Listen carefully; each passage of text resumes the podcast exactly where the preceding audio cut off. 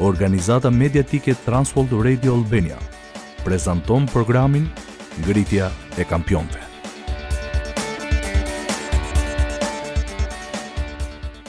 Gjatë sondazheve të bërë në kulturën perëndimore në lidhje me frikën, dy ishin përgjigjet më të shpeshta.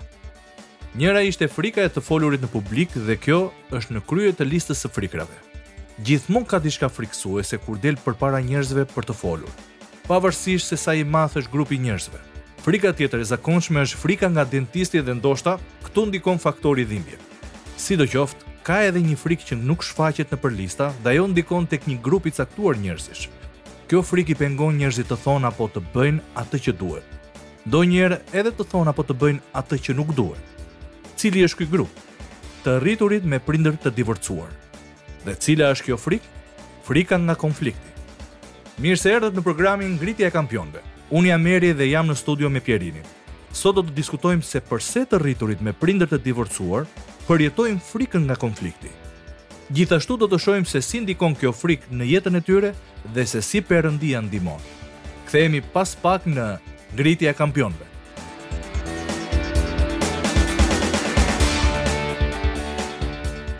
Pjerin, po fillojmë menjëherë me pyetjen, sepse kemi shumë për të thënë dhe koha mund të mos mjaftojë. A nuk e urrejnë shumë njerëzit konfliktin? Unë po. Por përse është diçka kaq e veçantë për njerëzit me prindër të divorcuar? Nuk është e veçantë për të rriturit me prindër të divorcuar. Ti ke të drejtë kur thua se shumë njerëzve nuk u pëlqen konflikti. Sidoqoftë shumë të rritur me prindër të divorcuar nuk e dinë që e kanë këtë frikë, edhe pse ajo ndikon shumë tek ata. Dhe frika nga konflikti është e zakonshme tek të rriturit me prindër të divorcuar, për shkak të disa faktorëve unikë. Cilët janë disa nga këta faktorë? Më i madhi është vetë divorci. Shumë shpesh ka konflikt para divorcit, Mund të ketë zënka, fjalë dhe veprime të pakëndshme, kërcënime dhe këto mund të jenë frikësuese për fëmijët. Dhe edhe nëse s'ka shumë zënka, fëmijët zakonisht e ndjejnë tensionin midis prindërve. Ata mund të mos mendojnë se problemet do të përfundojnë në divorc, por e dinë se gjërat nuk shkojnë mirë midis prindërve. Pastaj ndodh divorci. Pra kemi shkakun dhe pasojën. Konflikti do të thotë se martesa ka mbaruar. Por kjo nuk është gjithmonë e vërtetë, apo jo? Jo, nuk është. Por fëmijët kanë vetëm eksperiencën që shohin si një kornizë apo që kanë si referencë. Në shumë raste, divorci ndodh në një moshë me ndjeshmëri të lartë. Kështu fëmija beson se konflikti në marrëdhënie është gjë e keqe. Ky duhet të jetë problem i madh për fëmijët ndërsa rriten sepse të gjitha marrëdhëniet kanë konflikte. Ke të drejtë. Të gjitha marrëdhëniet kanë konflikte dhe ky është një problem.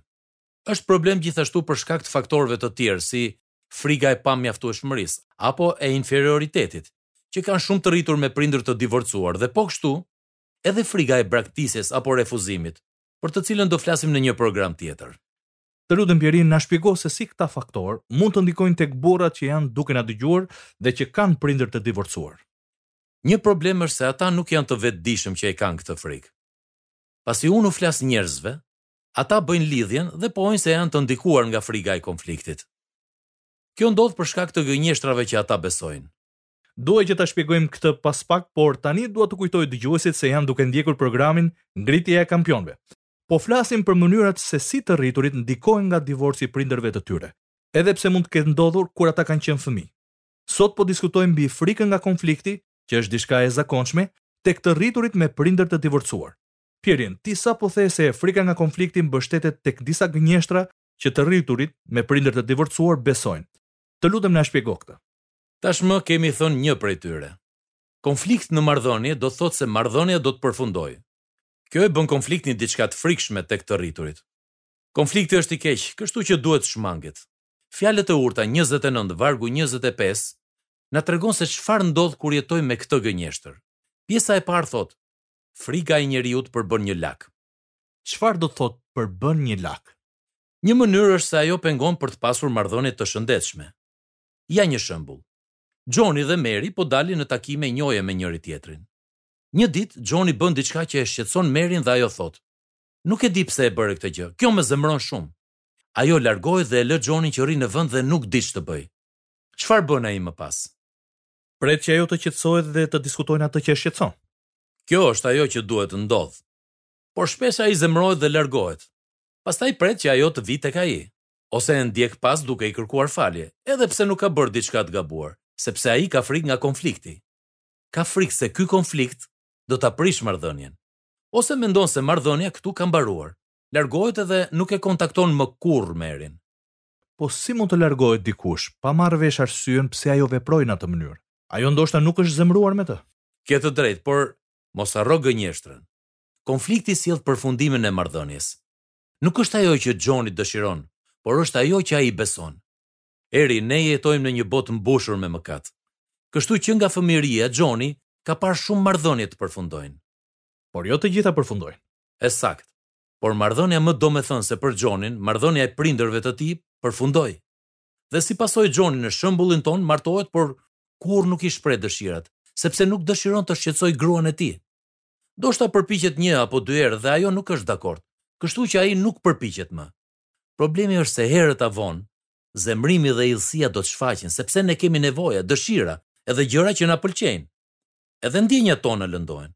por kemi frikë të themi diçka, kështu që ato mblidhen edhe shpërthejnë. Dhe përfundojnë me një zënkë të madhe që ushqen frikën nga konflikti. Dhe frika shtohet dhe bën që personi ose të tërhiqet, ose të reagojë shumë keq edhe në të dy rastet situata përkeqësohet. A ndodh kjo gjë vetëm në familje?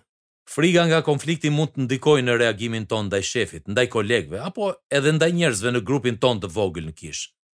Dhe ne zakonisht nuk e kuptojmë se përse veprojmë në atë mënyrë. Por si mund të kapërcehet frika nga konflikti? Ja pesë hapa që mund të ndihmojnë. I pari është identifikimi i frikës nga konflikti, që ndikon në mënyrën se si veprojmë. Bëjini vetes këto pyetje. Si ndiheni kur përballeni me konfliktin? Çfarë mesazhi po ju jep truri juaj kur përballeni me konfliktin? A mbani gjëra që nuk i thoni apo nuk i bëni ngaqë keni frikë se mos shqetësoni personin tjetër? A thoni apo bëni gjëra që nuk dëshironi ngaqë keni frikë se mos shqetësoni personin tjetër? A është e vërtetë kjo, edhe pse nuk keni ndonjë histori ku e mbështesni këtë frikë? Nëse u jeni përgjigjur po këtyre pyetjeve, ju ndoshta keni frikën nga konflikti në njëfarë mase. Po hapi i dytë cili është? Pasi keni identifikuar faktin se keni frikë nga konflikti, hapi i dytë është të zëvendësoni gënjeshtrën që besoni me të vërtetën. Për shembull, besimin se të gjithë konfliktet janë të këqinj. Nëse ju dhe dikush tjetër nuk bini dakord, nuk do të thotë patjetër se marrëdhënia do të përfundojë. Do të thotë se ju keni mendime të ndryshme. Flisni për këtë. Përpiquni të kuptoni këndvështrimin e personit tjetër dhe ndihmojeni atë të kuptojë mendimin tuaj. Dhe cili është hapi i tretë për të kapërcyer frikën e konfliktit? Bëjani të ditur partnerit tuaj ose miqve tuaj se ju keni këtë problem. Do të jetë e nevojshme që ju të praktikoni reagime të ndryshme ndaj konfliktit. Kjo gjë kërkon kohë dhe mbështetje nga partneri apo miqtë e afërt, por është shumë e dobishme. Kjo vërtet ka shumë kuptim. Dhe është e rëndësishme ta përmendim sepse shpesh burrat nuk duan të pranojnë se kanë frikë. Kjo na çon tek hapi i katërt për kapërcimin e frikës nga konflikti që është, Të kujtojmë se frika nga konflikti zakonisht i ka rrënjët te frikëra të tjera. Frika nga braktisja, frika se nuk jemi të mjaftueshëm, ose tek frika nga refuzimi.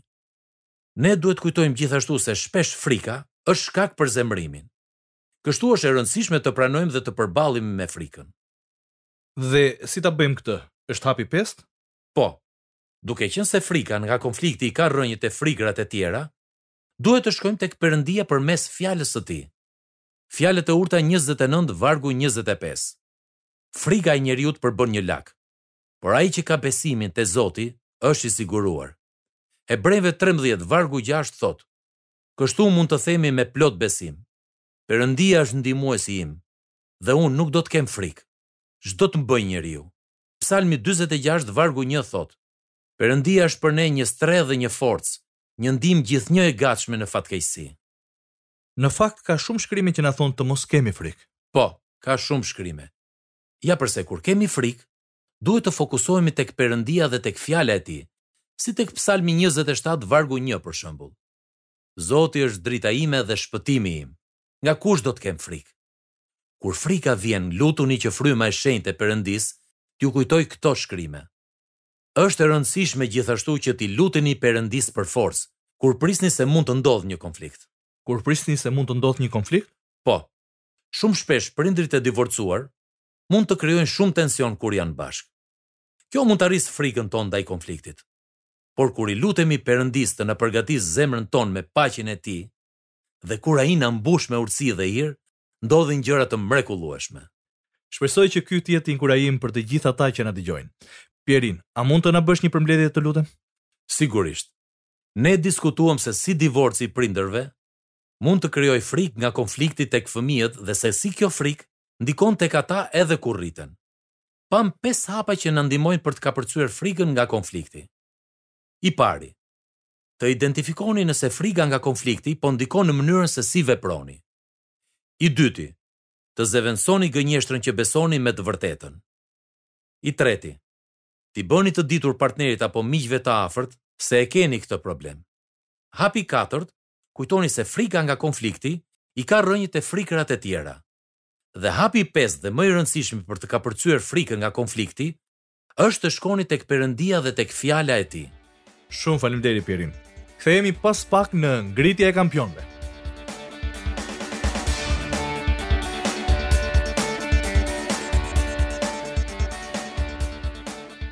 Faleminderit që na ndoqët në programin Ngritja e Kampionëve, ku shumë burra pajisen dhe forcohen për të përmbushur potencialin që Perëndia ju ka dhënë.